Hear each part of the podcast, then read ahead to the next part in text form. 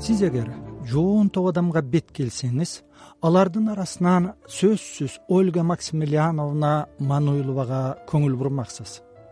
Чачтары куудай ак жубардай ак жүздүү көзү моймол мээримдүү алпейим байбиче. Менин эсимде ольга максимилиановна мануилованын элеси дал ушундай сакталууда.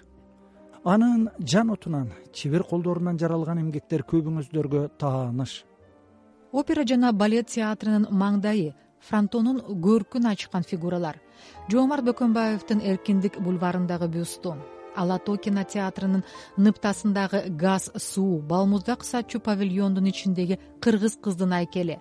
Кыргыз республикасынын прокуратурасы жайгашкан имараттын маңдай бетиндеги жана касымалы баялинов атындагы балдар китепканасынын бел курчоосундагы кооз фриздер шаардын борбордук паркына кире бериштеги генерал панфиловдун эстелиги тоголок молдо мураталы күрөңкеевдин бюсттары дагы башка толгон токой эмгектер өмүрүнүн теңине жакыны бүгүнкү бишкек мурунку фрунзе шаары менен тыгыз байланышкан бул инсан ким эле? Албетте мындай суроо менен карыя скульптор виктор арнольдович шестопалга кайрылдым. Дале эзелки сымбатынан жазбаган сексен үч жаштагы бедисчи ар бир сөзүн кынаптап ольга мануилова тууралуу кепке кирди. Первая встреча с ней на меня произвела ольга максимилиановна менен биринчи жолугушуу мен үчүн эстегенде жан толкундатчу окуя ак чачтары күмүштөй нурланып жумоктогудай апапак эле. Ак блузканын үстүнө ак жумушчу халат кийип алган. Айланасында скульптуралар модельдер жайнайт. Дубалга барельеф портреттер жыш кимдир бирөөлөр өнөрканасында такай жашачу. Өнөрканасында жыгач керебет турчу. Жатарга жай таппаган адамдар ольга максимилиановнанын үйүнөн түнөк тапчу находили у ольги максимилиановны деди республиканын эл сүрөтчүсү. Токтогул атындагы мамлекеттик сыйлыктын лауреаты виктор арнольдовичтин да алтымыш жыл өмүрү кыргызстан менен байланышкан. Если надо было место вот у нас молодых э, эгер алыбек мухиддинов экөөбүздөй жаштар буйртманы жасаганга жай таппай калсак ольга максимилиановнага барчубуз ал кабагым кашым дебей берчү өнөрканасын бир кезде армияндар да турган анын өнөрканасында аларга да иштегенге мүмкүндүк берген ольга максимилиановнанын өнөрканасында кийимдер гана жашабады. Ал балдарды өзгөчө жакшы көрчү. Өнөрканасынын жанындагы номер жыйырма төртүнчү мектептин балдар кыздары көп келчү. Алардын баарын эркелетип ар бир иштин өзгөчөлүгүн түшүндүрчү. Балдар да аны аябай сүйүшчү. В общем встречала так радушно они ее очень любили дети. Виктор арнольдович атын атаган алибек мухиддинов кыргыздан чыккан биринчи профессионал скульптор ал жана көй кашка архитектор аскар исаев бала чагынан ольга мануилованын өнөрканасынан таалим тарбия алган окуучулары.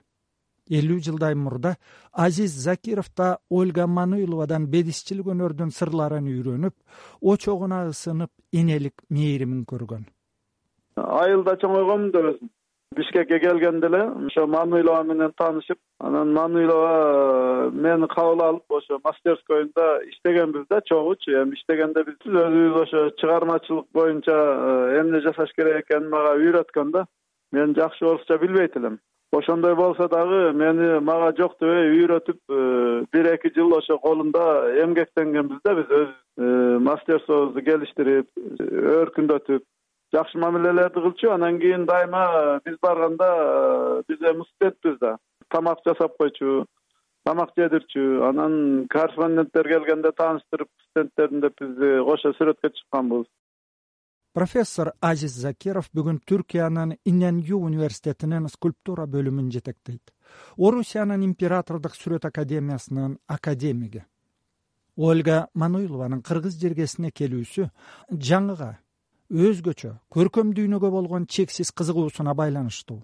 Себеби бир миң тогуз жүз отуз тогузунчу жылы москвада өткөн кыргыз искусствосунун биринчи декадасынын программасындагы оюн концерттерди көргөнү барбаса ал жерден фрунзе шаарынын башкы архитектору менен таанышып калбаса ошо тушта токтогулдун айкелин тургузуу боюнча сынак жарыяланганын эшитпесе бедисчини тагдыр кайда жетелемек анткени бул тушта республикадагы жалгыз скульптор ласло месарош репрессияга кабылып токтогулдун айкелин жасаганга скульптор жок турган.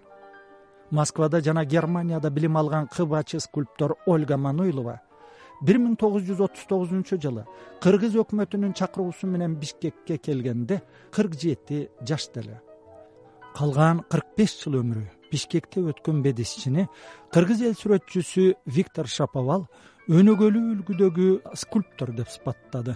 А вот мое впечатление я говорю что это было очень менин эсимде ольга максимилиановна абдан ай жаркын адам катары калды. Ал мага искусствонун скульптурадагы дворянын элестетчү түшүнөсүзбү ал абдан интеллигент абдан заада скульптурага жан оту менен берилген инсан эле. Жашоону искусство өз иштери аркылуу кабыл алган ак жубар жүздүү көрүүсөң сымбаттуу ольга максимилиановна сүрөтчүлөр союзуна келгенде дайыма чым кара юбка апапак кофта кийип чачын артка түйүп койчу. Же чачы кыска кыркылган болор эле. Таким схватывались или так короткая стрижка.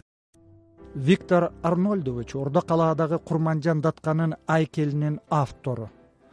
Она была неравнодушна ко всему вот она. Ал дүйнөгө кучагын жайып суктана карачу. Шаарыбыздын кайсы бир жери булганч болсо газон тепселип жатканын көрсө ошол замат шаардын аткаруу комитетине телефон чалчу шаар аткомдо ольга максимилиановнаны жакшы билишчү аябай сыйлап урматташчу ал себеби фрунзеге сүйүп мамиле кылчу.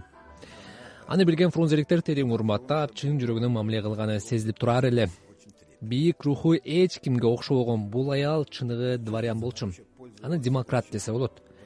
Билесизби ольга максимилиановнанын демократизми өзгөчө эле эски орус интеллигенциясына мүнөздүү демократия эле был особый я бы сказал старой русской интеллигенции. Назарыңыздарда сиздер билген жана билбеген ольга мануилова деген радио уктуруу табиятынан топуктуу ольга мануилованын көп эмгектери бүгүн бедисчинин бишкектеги мемориалдык үй музейинде сакталуу. Бир кезде эркиндик бульварындагы кыргыз илимдер академиясынын алдында турган бетондон жасалган кыз жана жигиттин жоголгону эбак ольга мануилова бедисчи күйөөсү менен жасаган генерал панфиловдун эстелиги да акырындап жешилип баратат дейт виктор арнольдович шестопал. Памятник панфилову это был первый памятник панфиловдун эстелиги өкүнүчкө карай бетондон жасалган.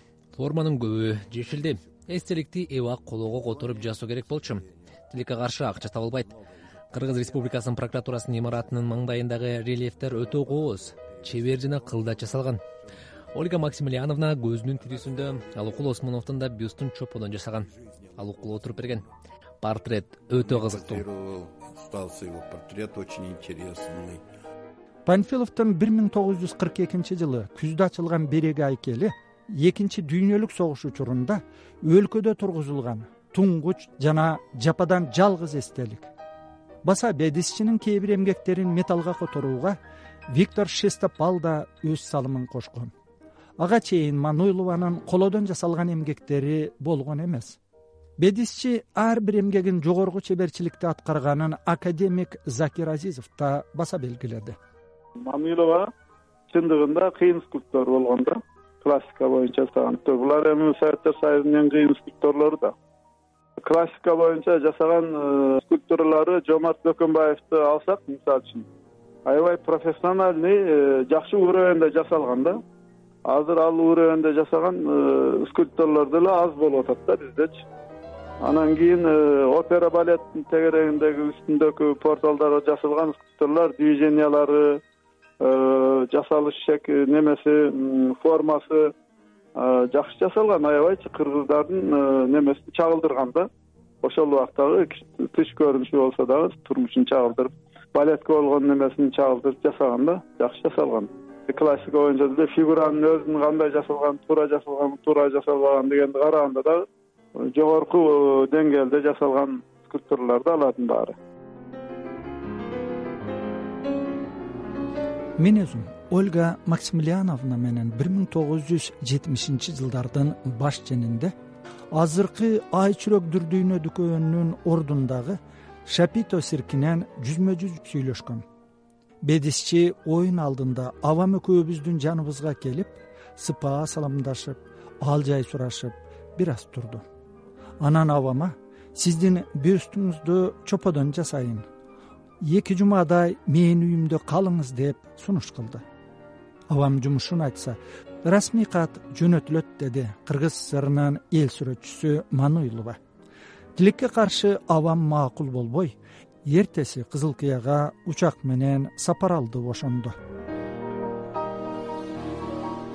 ольга мануйлова өз иштеринде кыргыздын улуттук өзгөчөлүгүн дыкат чагылдырганын маданиятка эмгек сиңирген ишмер бедисчи дүйшөн жолчуев да айтты.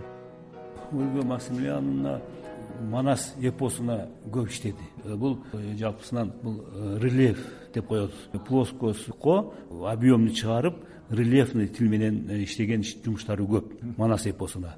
Бул жерде турат бул жерде ошол мына ажыдаарлар менен эпостун духту берип ошону изилдеген жумуштары. Көргөзмөлөргө коюлуп анан кийин элге таркатылган да сүрөттөрү фотолору дегендей.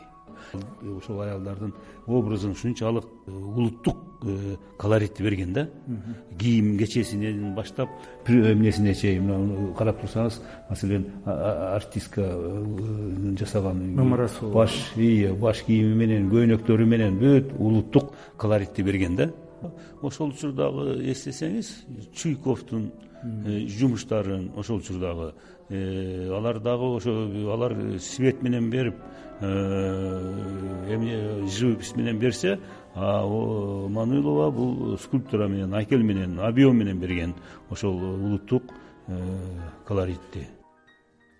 Ольга мануйлова көптөгөн монументалдык майда пластикалык иштерине катар чүй каналын курган аял кызыл чачы кыргыз жигити деген кайталангыс портреттерди тарткан.